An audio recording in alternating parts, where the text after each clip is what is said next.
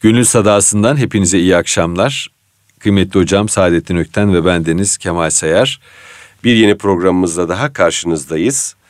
Bugün insanı kemiren en temel illetlerden bir tanesini konuşacağız. İhtiras, hırs, e, ucub, kibir, insanı e, yok eden, e, yaşadığımız tabiatı yok eden, e, şehirlerimizi e, delik deşik eden e, bu e, hırs e, illeti e, aslında bizim kadim medeniyetimizde kendi devasını bulmuştu. Gönül tokluğuyla, istina ile e, iyileştirilebilen bir şeydi. Yahut biraz çağdaş psikolojinin diliyle konuşacak olursak gürültücü egoya karşı sessiz egoyla e, tedavi edilebilen bir şeydi. Şimdi kıymetli hocam hoş geldiniz. Hoş bulduk ee, efendim. Sizin kitabınızdan e, bir şeyle başlamak istiyorum. Aslında aklın, aklımda kaldığı inan söyleyeyim. Efendim. Ee, hatta belki siz anlatırsanız daha güzel olur. Ee, Nureddin Topçu merhumu e, Abdülaziz Bekkin'e merhuma rahmeden evet. pabuçlar meselesi. Evet. Evet. Buyurun isterseniz siz sizden dinleyelim hocam. Ee, şöyle efendim e, merhum hoca e, tabii yani realiteyi görüyor, müşahede ediyor. Çok hassas bir adam. Bir de ideal var. Bir de İslam ideali var. Bu çatışmayı görünce çok muzdarip oluyor. Ee, Birçok e, samimi e, müminin kalbinde bu ızdırap vardır ve olması da lazımdır. Ancak hoca da bu had safhada insanı huzursuz ediyor. Bunun üzerine e, bir arkadaşı var. Sırrı amca. Hı hı. E, biz onu kumaşçı Sırrı Bey diye tanıdık. Bir e, e, mağazada Sultanahmet'in o zaman kumaş satılıyor. Orada e, hizmet ediyordu yani tezgahtarlık yapıyordu. Kumaş ölçüyor, biçiyor, kesiyor filan yani. Ücretle çalışıyor. Topçu'nun da e, Beyazıt İlk Mektebi'nden arkadaşı. O okumamış. Sondan sonra hayata atılmış Nurettin Hoca, sonra İstanbul Sultanisi veya şimdiki adıyla İstanbul Erkek Lisesi, sonra Fransa vesaire. Fakat görüşüyorlar. Hı hı. Eskiden böyle insanlar vardı yani e, tahsil şey yapmıyordu. Çünkü ortak e, noktalar, al, alaka noktaları farklıydı. Şimdi başka bir şey oldu. O zaman görüşülüyor.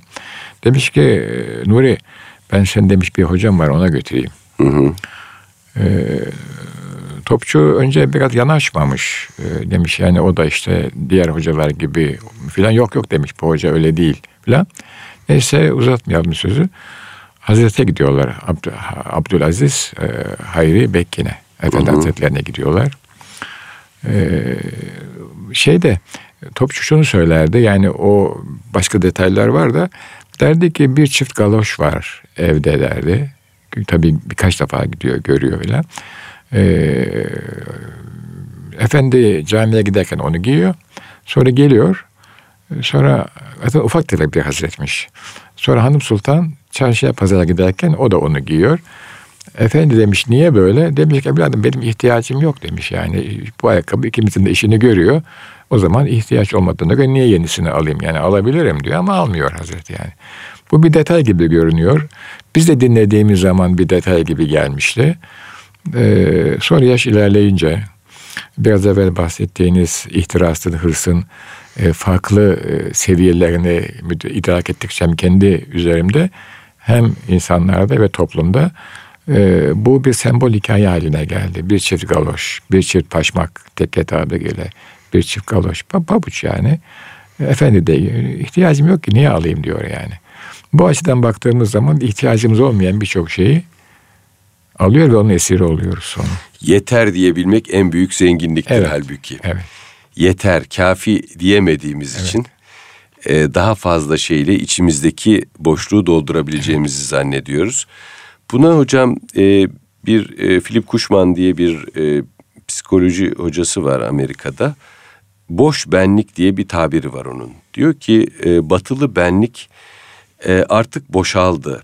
Eskiden ne dolduruyordu onu? E, işte ilahi olanı rabıta dolduruyordu. Evet. Daha kuvvetli bir toplumsal yapı dolduruyordu. Bir Cemaat. e, cemaat e, hali vardı. E, o dolduruyordu. Yani kilise cemaati bile birbirine sıkı bağlarla bağlıydı. Tabii, cemaat çok önemli. Tabii.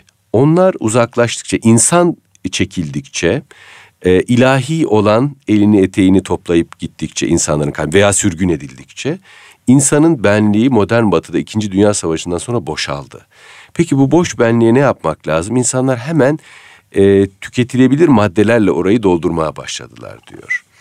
İşte çok alarak içlerindeki açlığı giderebileceklerini düşündüler. Hatta gurulara e, kapılanarak, guruların dizin dibinde oturarak ama çok radikal bir yaşam değişimi de yapmayarak e, hayatlarını e, bu boşluğu işte böyle kısmi tedbirlerle pansuman yaparak geçirmeye çalıştılar e, diyor. Fakat ben bunu daha çok deniz suyuyla su- susuzluğunu gidermeye benzetiyorum. Değil mi efendim? Evet. Ee, insan tüketim tarikatına rağm oldukça, hayat McDonald'laştıkça biz daha mutlu olmuyoruz yani. Çok güzel hayat McDonald's Evet. Evet. Ee, her şey kolay tüketilebilir, hızlı tüketilebilir oluyor ama her şey saman tadında oluyor. McDonald köftesi, neyse şimdi bahsetmeyelim. Ee, Amerikan köftesi Evet. bizim Sultanahmet köftesine asla daha lezzetli değil. Değil evet. Daha hızlı, daha seri, daha çabuk önünüze geliyor belki ama saman tadında. Evet. Ee, biraz işte bu benliğin boşalmasını doğru şeylerle e, dolduramıyor e, modern insan. Günümüzde de bakıyorsunuz yani e, tüketimcilik gönül tokluğunu e, ik- ikame etmeye çalışıyor. Maalesef öyle evet. Ne güzel söz değil mi hocam bu gönül tokluğu? Gönül tokluğu tabii. Gönül tokluğu. Şimdi şöyle bir e, durum söz konusu oluyor. E, zekanın da yani insan zekasının da açlığı var. Onu da doyurmak lazım. Belki önce insan zekasının açlığını doyurmak gerekiyor. Ondan sonra gönül veya ikisi paralel gidecek. Bedenin açlığı çok mühim değil. Çünkü beden biraz bir şeyi alınca o ona eskiler kifafı nefs derlerdi. O ona yetiyor. Bir şey üşümediği kadar giyince yetiyor. Daha çok ve çeşitli yemek bedenin açlığından değil, göz açlığından, gönül açlığından, zeka, zihin açlığından oluyor. Ee, buna benzer e, bir yöntemi tabii biz ismini böyle boş benlik olarak koymadık ama bize öğrettilermiş, öğretmişlermiş. Şöyle ki insan bazı şeyler öğrenirken onun neye yaradığını bilmiyor. Yıllar geçiyor. Ha diyorsunuz bu şu işe yarıyormuş. Mesela ilimle meşgul olmayı tavsiye ettiler bize büyüklerimiz. Bu meğer e, zihnin ve zekanın açlığını doyururmuş. İlimle meşgul olursanız e, siz artık maddeye o kadar değer vermiyorsunuz. Çünkü varlığınız yani e, toplam enerjiniz veya istek kapasitenizin bir kısmını o ilimle olan meşguliyet e, işgal ediyor. Bunun ötesinde biraz sanata yönlen- yönlenirseniz, sanatla uğraşırsanız kendiniz yapmanız gerekmiyor. Okursunuz, düşünürsünüz, seyrederseniz, dinlerseniz o zaman bir başka boyutu da dolduruyor. Ee, ve tabii onun üzerinde de felsefe, tefekkür var. Ondan sonra da tasavvuf geliyor. Bunlar aynı anda da olabilir, eş zamanlı, farklı zamanlarda da olabilir. Biraz nasiptir, biraz gayrettir, biraz da kabiliyettir. Bunları yaptığınız zaman maddeye olan düşkünlüğünü çok fazla olmuyor. Doçentlik çalışmasını yaparken ben Belçika'da kaldım bir akademik sene. Orada bir takım profesörlerle tanıştık. Ee, bunlar entelektüel adamlar, Avrupalı adamlar yani iyi bir maddi gelirleri var. Fevkalade mütevazı yaşıyorlardı. Ee, ben biraz merak ederim, konuşurum falan böyle sorarım. Yani e, ona da gülmezler. Türkiye'de olsa o zamanlarda insanlar gülüyorlardı. Onlar gülmezler. Anlatırlardı. Ee, Bu soruyu nasıl e, tevdi ettiniz hocam? Ne dediniz? e, gayet böyle direkt olarak yani. Niçin almıyorsunuz veya giymiyorsunuz? Niye kullanmıyorsunuz? Aynı cevabı aldım. Niye alayım ki? İhtiyacım yok ki diyor adam yani. Sonra hayatına soruyoruz, anlatıyor mesela. E, mesela adam mekanikçi e, kendi evini kendi yapıyor. Sobasını kendi yakıyor. Odununu kendi yetiştiriyor. Ve bunu yaparken ben tabiata mesela şöyle bir anlayış var. Ben bir e, kutsal enerjiye inanıyorum diyor adam. Yani tevhidi falan olmasına da gerek yok. böyle bir meşguliyetle bir inançla zihnini dolduruyor. O kutsal enerjiyi diyor ki bana beni e, kötü yere sarf etme, beni savurma, israf etme. Dolayısıyla odunumu kendim yetiştireceğim, kendim keseceğim, getireceğim, sobamda yakacağım, evimi ısıtacağım ve makalemi yazacağım. Bunu yaptıktan sonra diyor benim çok fazla bir şeye ihtiyacım yok yani. E, o resim çıkıyor kendiliğinden. Şöyle bir lüks arabaya, böyle bir bilmem işte şuna ve buna şimdi ben detayları vermeyeyim. Bu beni hareketlere düşürmüştü. Çünkü buradaki e, entelektüel veya çok seçkin insan modelinden farklıydı. Adam çok mütevazı yaşıyordu. Yine Amerika'da gördüm. O doktora sırasında. E, gene entelektüel bir aile. Evinde e, eski mobilyalar ve şey eklektik. Soruyoruz mesela mobilyanın tarihini anlatıyor.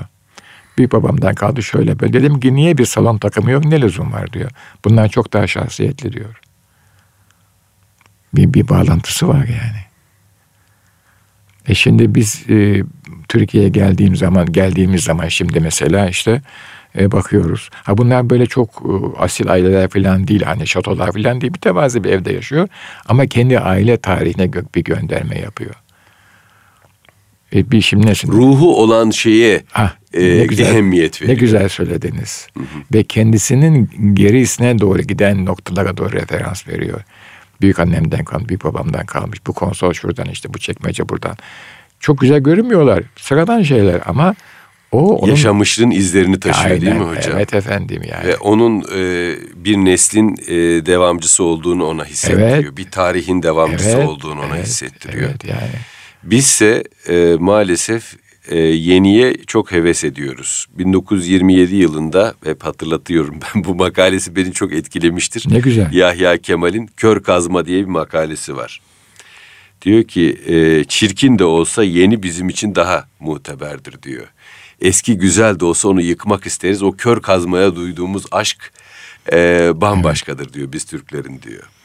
Belki bu zamanı görmedi. Şimdi artık kazma bana göre çok mütevazı kaldı. Kepçe var hocam. Çok şimdi. masum kaldı. evet. Şimdi kepçe var.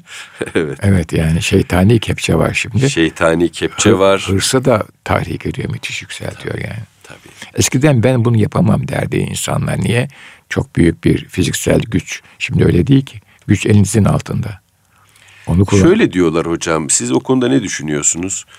Müslüman kuvvetli olmalı, zengin olmalı. Tabii olsun hiç evet. değil. E, dolayısıyla Ama niye bunu eleştiriyorsunuz ki? Yani o kuvvetin, tabii ki. o kuvvetin zabunu, o zenginliğin zabunu olmasın. Karun gibi oluyor çünkü yani. Hmm. Müslüman kuvvetli olmalı ve o kuvveti ve o e, gücü, o zenginliği hizmete harcamalı. E, gösterişe değil. Yani biraz e, bir süre sonra şimdi Sezai Karakoç'a atfedilen bir söz var. E, demiş ki e, büyük şair e, dava dava için para kazanmaya giden adamların hiçbiri eve geri dönmedi demiş. Evet. E, bir de böyle bir rasyonalizasyon var e, işte. E, şunun için yapmamız lazım, bu ülkümüz için yapmamız lazım. E, ama orada e, insan kendi nefsine çok kolay yalan söyleyebilen bir varlık. Bu Kemal Beyciğim bu söylediğiniz e, yani e, karşı argümanlar yani dava için para kazanmalı vesaire argümanlar benim yani bu toplumda gözlemlediğim kadarıyla bu bana göre sübjektif bir hükümdür. Özneldir. Hı hı. Yani 30 sene için 30 sene öncesi için bunlar geçerliydi. Hı. Şimdi geçerli değil. Şimdi toplumsal üretim o noktaya erişti ki artık. E, şu anda imkan var. Yani dava için para kazanmaya gerek yok. Hı hı. E, iktidar da var, imkan da var. Biz şimdi şu anda o kazanılan paranın, o maddi gücün sarhoşluğu içerisindeyiz. Hı hı. Yani de, daha evvel e, evet imkanı yoktu. Para kazanma bir ideal gibi görünüyordu. Para kazanırsak şunu şunu şunu yaparız. Para kazandık ama onu, onu yapamadık. Niye? Çünkü para kazanınca o parayı taşıyacak donanım, donanımımız yokmuş. Onu şimdi anlıyoruz. Bir kısmımız çok azımız para kazanmadık. Yeteri kadar devam ettirdik e, şeyimizi. Ama şunu gördüm ki para kazanı o parayı o paraya hakim ol, olabilmek için belli bir donanım gerekiyormuş. İşte mesela bir ilimle meşgul olan zihin, efendim e, sanatla meşgul olan kalp vesaire. O olmadığı zaman o para sizi eziyor ve bir gaye haline geliyor. Çünkü neden? O kadar büyük bir güç geliyor ki elinizin altına. Enerji de böyle. Yani sanayi devriminin başına baktığınız zaman adam kas gücünden birdenbire buhar makinesine geçiyor. Şaşırıyor. Batılı adamdan bahsediyorum. Yani o enerji adamın eline geçince ne yapacağını bilmiyor.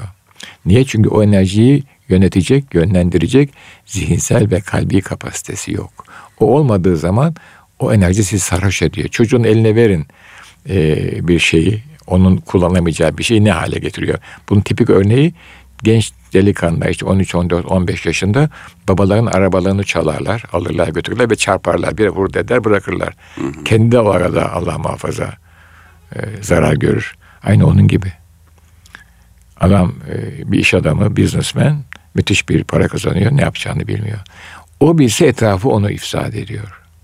O parayı sarf etmek için de, kullanmak için de, o paraya hakem olabilmek için de ciddi bir altyapı gerekiyor.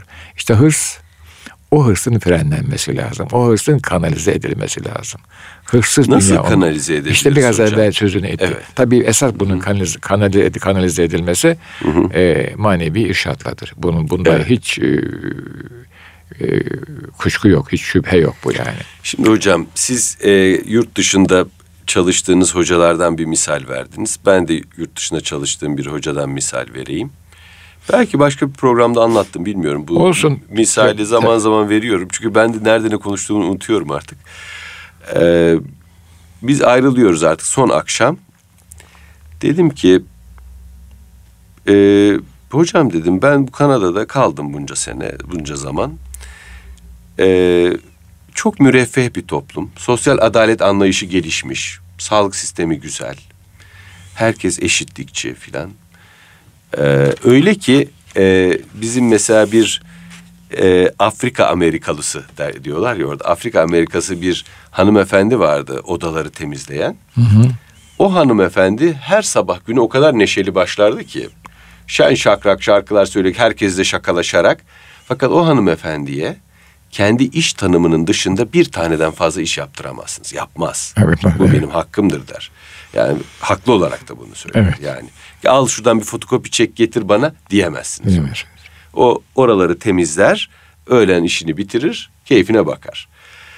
Faturanızı yatırtamazsınız. Efendim e, fotokopi yaptıramazsınız. Hadi bir çay getir ver bana diyemezsiniz. Evet aynen öyle. Kendi saygınlığını ve haysiyetini korur. Kimse de onun haysiyetine mütecaviz olamaz.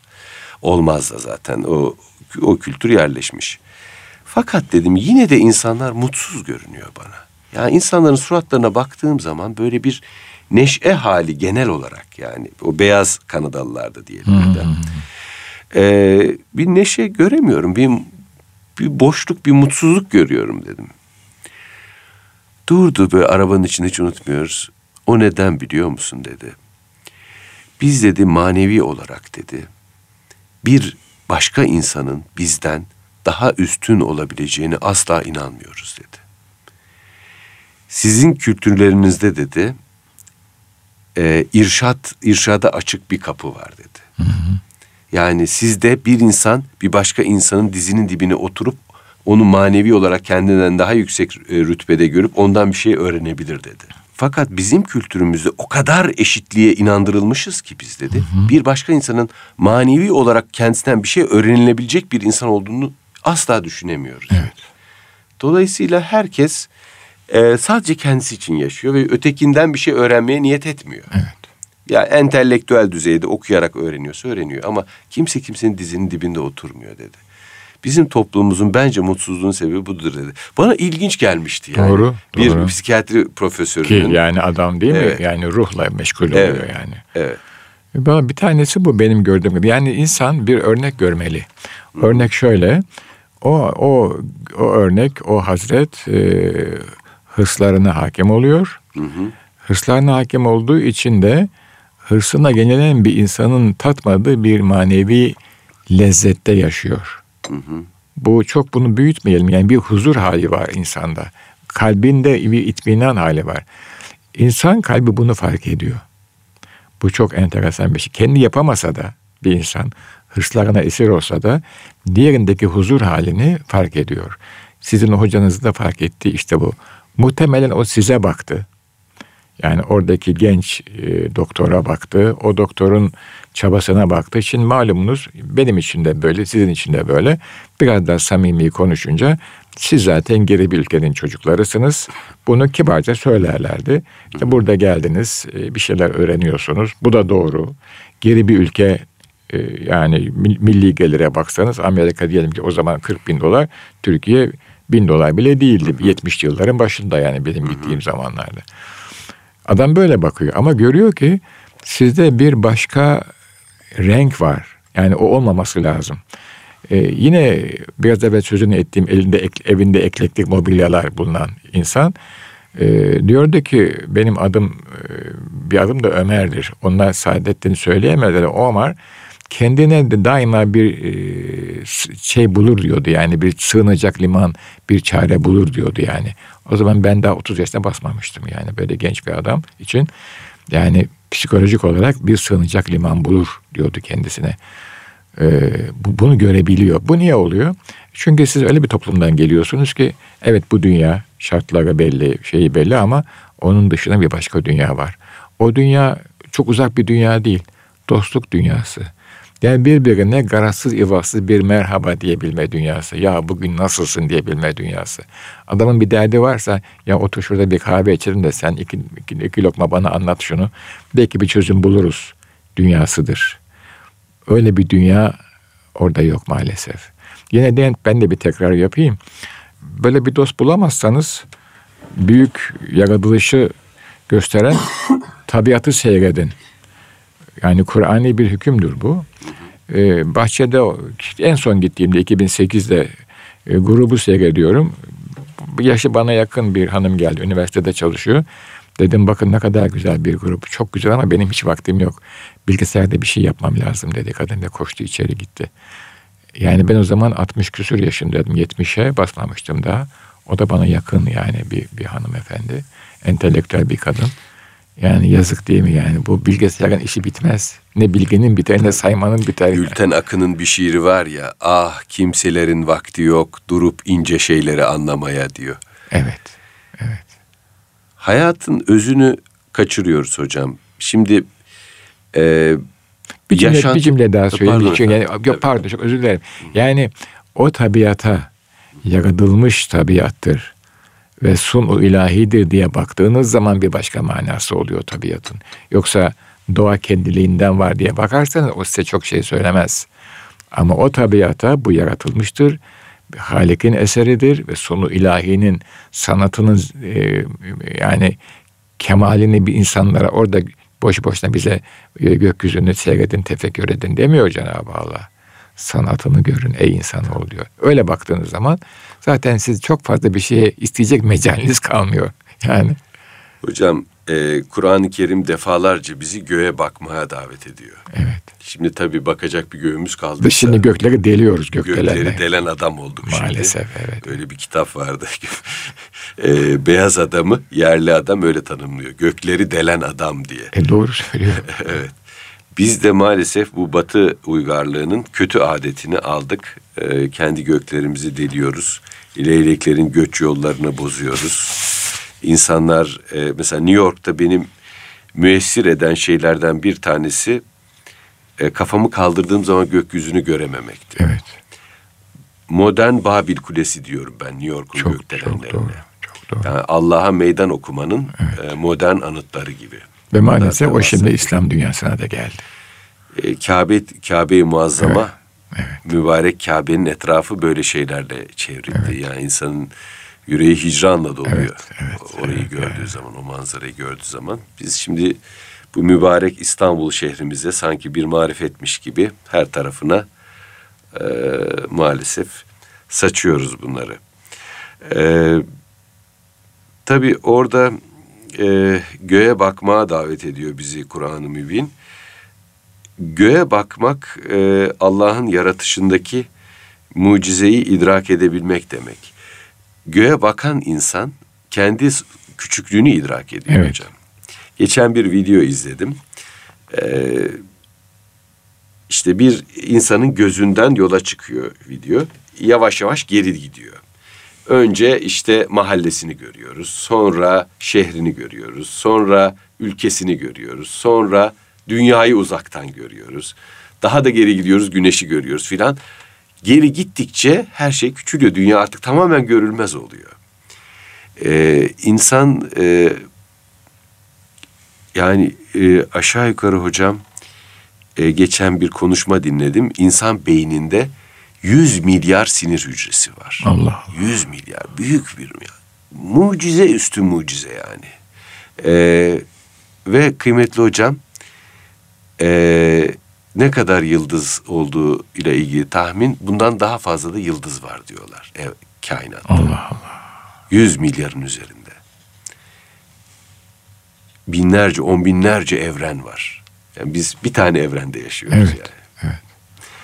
Ee, insan kendi acziyetini, kendi küçüklüğünü, zavallılığını idrak ediyor. Ee, göğe bakmak bize e, nereye ait olduğumuzu da e, gösteriyor aslında. Oryantasyon diye bir kelime var. Ee, biz psikiyatride işte hastalarımıza özellikle böyle biraz bunama eşiğinde olan hastalarımıza bazı sorular soruyoruz. Bugün günlerden ne?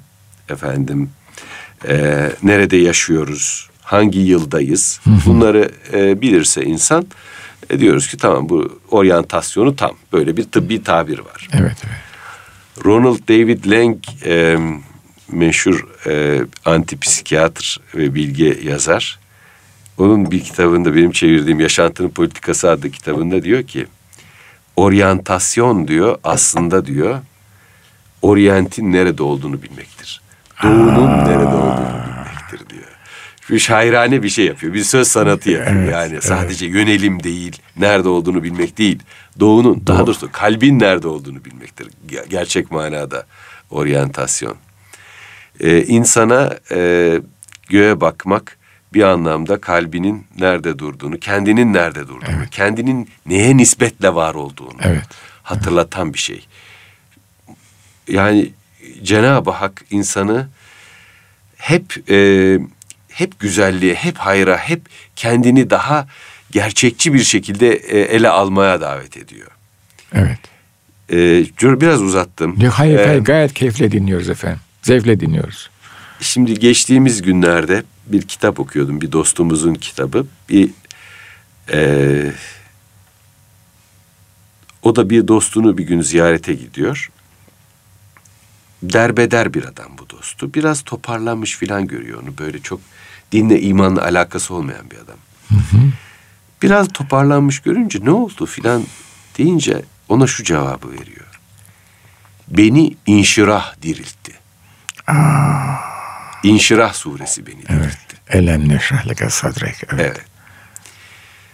Sonra ben e, orayı okuyunca bir daha o nazarla bir daha birkaç defa, üç beş defa e, ayetlere o nazarla biraz daha şifa nazarıyla biraz e, bakayım dedim. Ya muazzam diriltici bir şey Tabii. sure. Tabii. Yani yeise düşmüş insanı, dara düşmüş insanı, hayattan bezmiş insanı. Hatta geçen bir danışanım bana öyle dedi. Hiç doğmamış olmayı dilerdim dedi. Aman yarabbi. Ee, öyle dileyen insanı inşiraha davet etmek lazım. Buyurun okuyun burayı demek lazım. Evet. Evet. Bu şeylerde e, eskiler e, böyle bir mevize dinledikten sonra eklerlerde Allah tesirini halk etsin. Yani ben söylüyorum ama tesirini Allah halk eder. Böyle dua ederlerdi. Bu da bir dipnot olarak kalsın bu sohbette. Çok güzel oldu. Bir hak ve hakikati anlatırlar. Sonra da Allah tesirini halk etsin.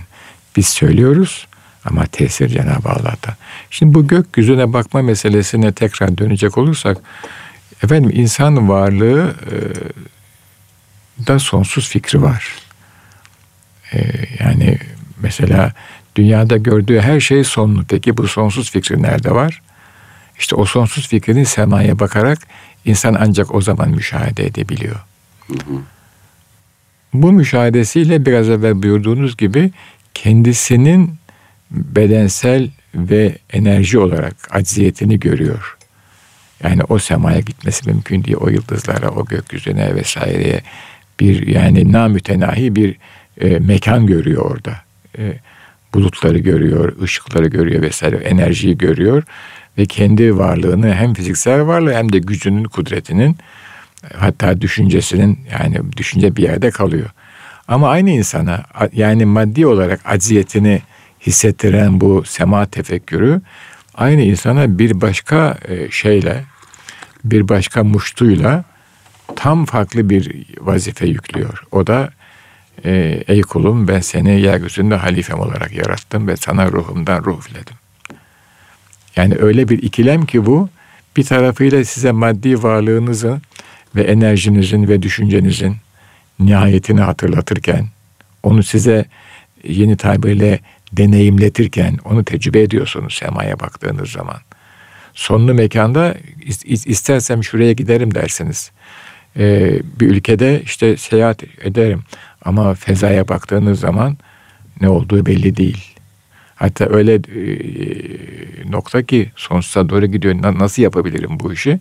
O aziyet aynı zamanda size bir başka muştu geliyor ve siz yani e, kainatın yaratılışını yani ben e, kendi güzelliğimi kendi e, müşahede etmek için sizi yarattım buyuruluyor bir manada. Tam toparlayamadım yani bilinmek istedim. Ve sizi onun için yarattım buyuruluyor. Ve siz yeryüzündeki Allah'ın halifesiniz. Bu bir ikilem. Bir tarafta maddi varlığınızın çok sınırlı olduğunu söylüyor. Bir tarafta manevi varlığınızın, kalbinizin, ruhunuzun, gönlünüzün adeta sonsuza doğru yola, yola çıkabilecek güçte olduğunu beyan buyuruyor. İşte e, biraz evvel sözünü ettiğimiz manevi terbiye bu dengeyi, bu kompozisyonu sağlamak için lazım. Maddi varlığınızın bir sınırı var ama manevi varlığınız açılabilir, gidebildiği yere kadar gider. Orada da hiyerarşi var. Hiç kimse peygamberlik makamına erişemez ama Allah dostu olabiliyor. Mesela orada bir başka kavram var. Nasip kavramı var. Nasip kavramı rasyonel bir kavram değil. Niye Ahmet'e değil de Mehmet'e? Onu mesela kader diye izah ediyorlar. Tesadüf diyorlar. İslam öyle demiyor. Nasip diyor. Dilediğine veriyor. Dilemediğine vermiyor şeklinde. Bu e, ve verilene razı olmak. Kazayı rıza dedikleri eskilerin. Bütün bunlar kalbi terbiye ediyor. Bu kalp terbiyesi olmadığı zaman insan varlığı muhteşem bir enerji ama sınırlı. E, adeta çölde vaha su arar gibi veya sizin temin buyurduğunu çok güzel oldu. Deniz suyuyla harareti giderme teşebbüsü gibi hırsa dönüyor ve orada bitiyor hadise. Orada tükeniyor. Daha çok içmek istiyor. İçtikçe susuzluğu artar. Deniz suyu öyledir. İçtikçe susuzluğu artar. İçmese e, hiç başlamayacak belki hadise diye düşünüyorum. Resim böyle. Hocam e, Guy Eaton diye bir şey var mühtedi. E, çok hoş bir adam. Ben kitaplarını çok severim. Türkçe'de Kalenin Kralı diye bir kitabı çıktı. Tanrı'yı hatırlamak diye mükemmel bir kitabı var. Onu herhalde üç dört defa okudum ben baştan sona. Hı hı. Ee, o bir hikaye anlatır bir kitabında.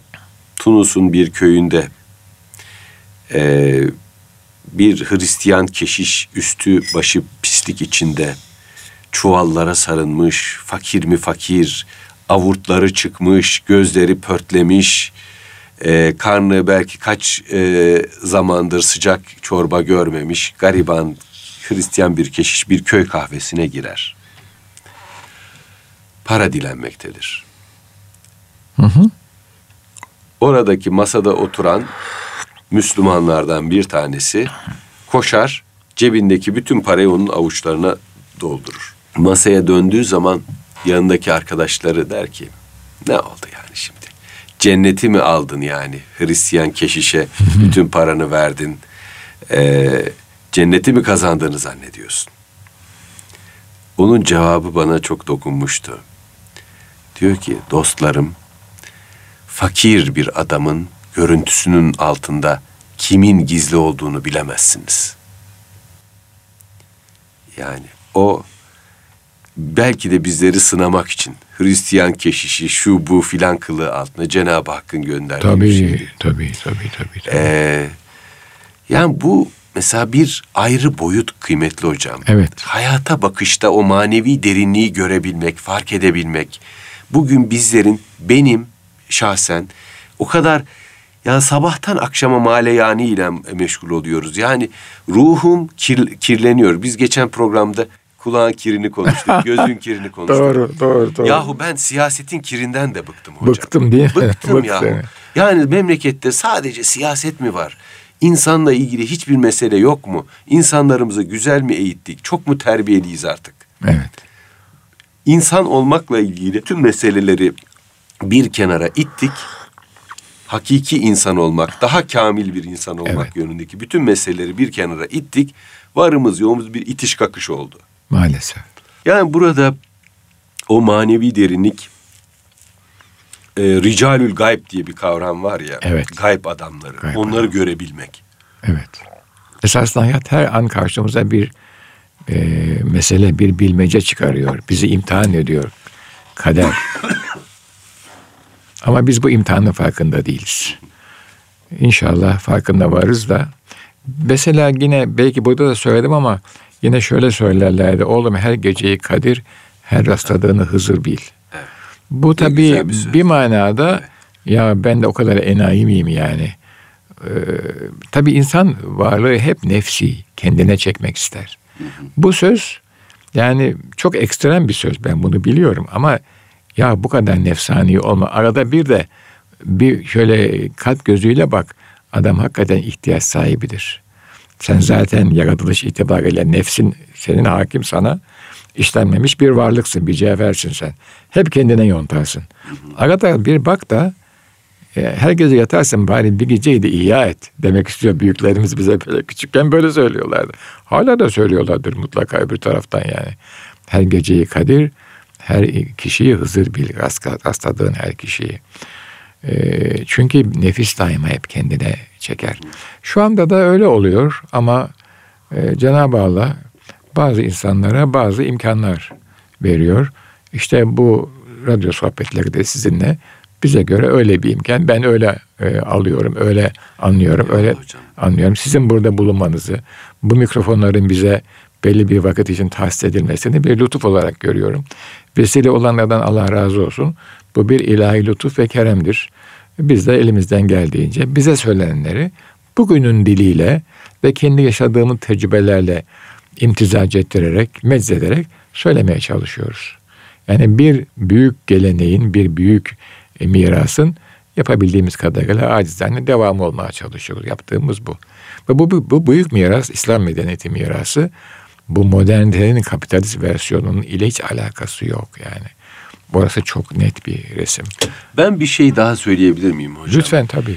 Ee, hırs sadece mal biriktirmek için olmayabiliyor. Tabii tabii tabii. Hırs bazen de e, iktidar biriktirmek için yani kendi kişisel küçük çevrelerimizde iktidar Evet. biriktirmek için e, İ- ili- olabiliyor. mesela ilimde hırs olur. ilimde hırs Tabii, Sanatta olabiliyor. hırs olur.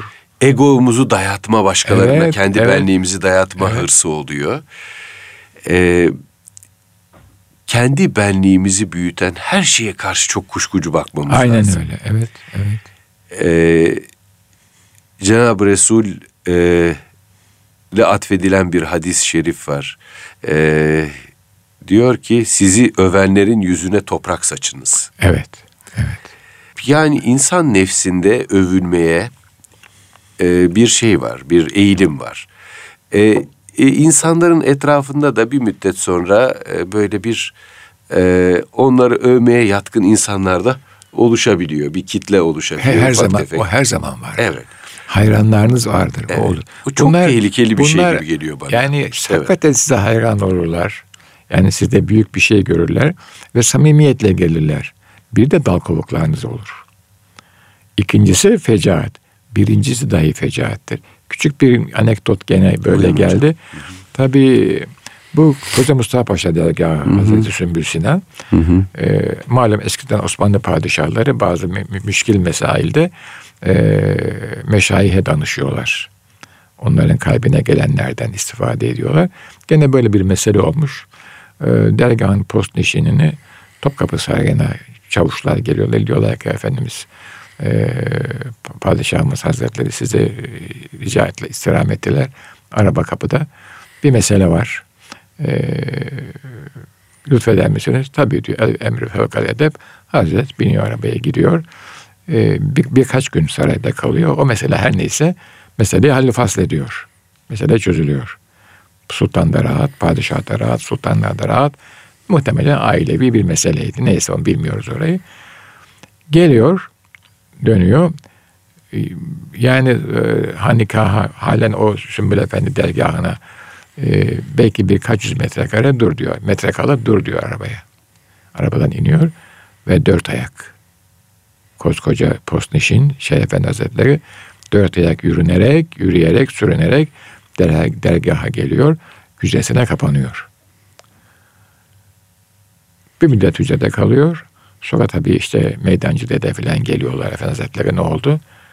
Diyor ki öyle taltif gördüm ve meseleyi öyle güzel çözdüm ki e, çok padişah çok memnun oldu. Ben de onun memnuniyetinden, mahzuziyetinden ben de memnun oldum. Ama diyor nefsim ben buradayım dedi. Bak sen neleri çözüyorsun. Tabii o zaman şöyle cihan padişahının müşkilini sen hallediyorsun dedi. Tabii. Diyor aman ya Rabbi dedim diyor tövbe ettim ve diyor bunu bu tevbemi size göstermek istedim. Yani ben tevbeyi nasıl da tevbe ettim ama ben biliyorum. Bunu size nasıl gösteririm? Arabayı durdurdum. Bütün Koca Mustafa Paşa çarşısından şimdiki gibi değil çok itibarlı o zaman hazretler. Dört ayak sürünerek geçtim ve vay geldim odama kapandım. Bunu da vaktinde bir azizden dinlemiştik efendim. Böyle bir hikaye. Vay vay vay işte hocam bu başka bir şey işte. İşte bu. Yani insan mesela yine buyurmuşlardır ki oğlum nefis ölmez, ölmemesi de lazımdır. Tabii. Benim böyle sakalım bıyığım ağırdı. Bak senin gibi kulakları düşer, kurt, dişleri dökülür. Dişlerde protezde onu da söyleyeyim. Kulak daha duyuyor. Gözünde gözü gözü de görmez. Ama kuzu geçerken yine gardını alır buyurmuşlardır. Kuzu geçerken sanki bir şey yapacakmış gibi. Nefis böyle bir şey. Ve sonra bu hikayeyi anlattılar. Dediler ki yanılmıyorsam Hasan Visali Hazretleri biraz da celalliymiş Hazret yani e, net yani müspette net menfide net demiş tevbeten nasuhay ben biliyorum. Siz bilmiyorsunuz. Size bunu göstermem lazım. Bu yolu buldum demiş. Herkes aa efendi dört ayak yürüyor. Geriye kapanıyor hücresine. Millet bekliyor ki e, Muştu padişahın mesela yok. Aradan biraz zaman geçiyor. Böyle bir hadise. Ee, hani bunlar menkıbe menkıbe olmuş mu? Eyvallah hiç şüphe yok olmuş. Hocam bu to- bunlar e, toplumun ahlaki kodlarını oluşturan şeyler. Bu menkıbeler sayesinde bir evet. toplum ahlaklı bir toplum ha, demek oluyor. Demek ki bu iş böyle oluyor diyor insan. Kerteriz noktası olarak onu ha. görüyor kıymetli hocam. Değil mi? Ha. Tamam Oraya çok bakıyor. çok doğru. Bu yorum çok güzel. Demek ki diyor bu böyle oluyormuş diyor. Tabii. Yani şişinmiyor kendine bir gurur, iftihar, ucu falan. Bak diyor böyle oluyormuş diyor falan yani. Neticede e, böyle işler işte. Bunlar bu toplumu bu asla kadar yerinde tuttu. Sabit evet. tuttu. Çivi gibi çaktılar onu. Oryantasyonu sağladı. Oryantasyonu sağladı evet. evet. Yani ahlaki müeyyideler bunlar işte yani. Hocam işte galiba burada şimdi siz bunu anlatırken ben şifahi kültürün ne kadar önemli bir şey olduğunu hissedi hissettim. Değil mi? Yani babadan oğula aktarılan e, menkıbelerin, kıssaların, hikayelerin, e, o toplumun ahlaki dokusunu oluşturan, e, koordinatlarını oluşturan e, şeyler olduğunu fark ettim.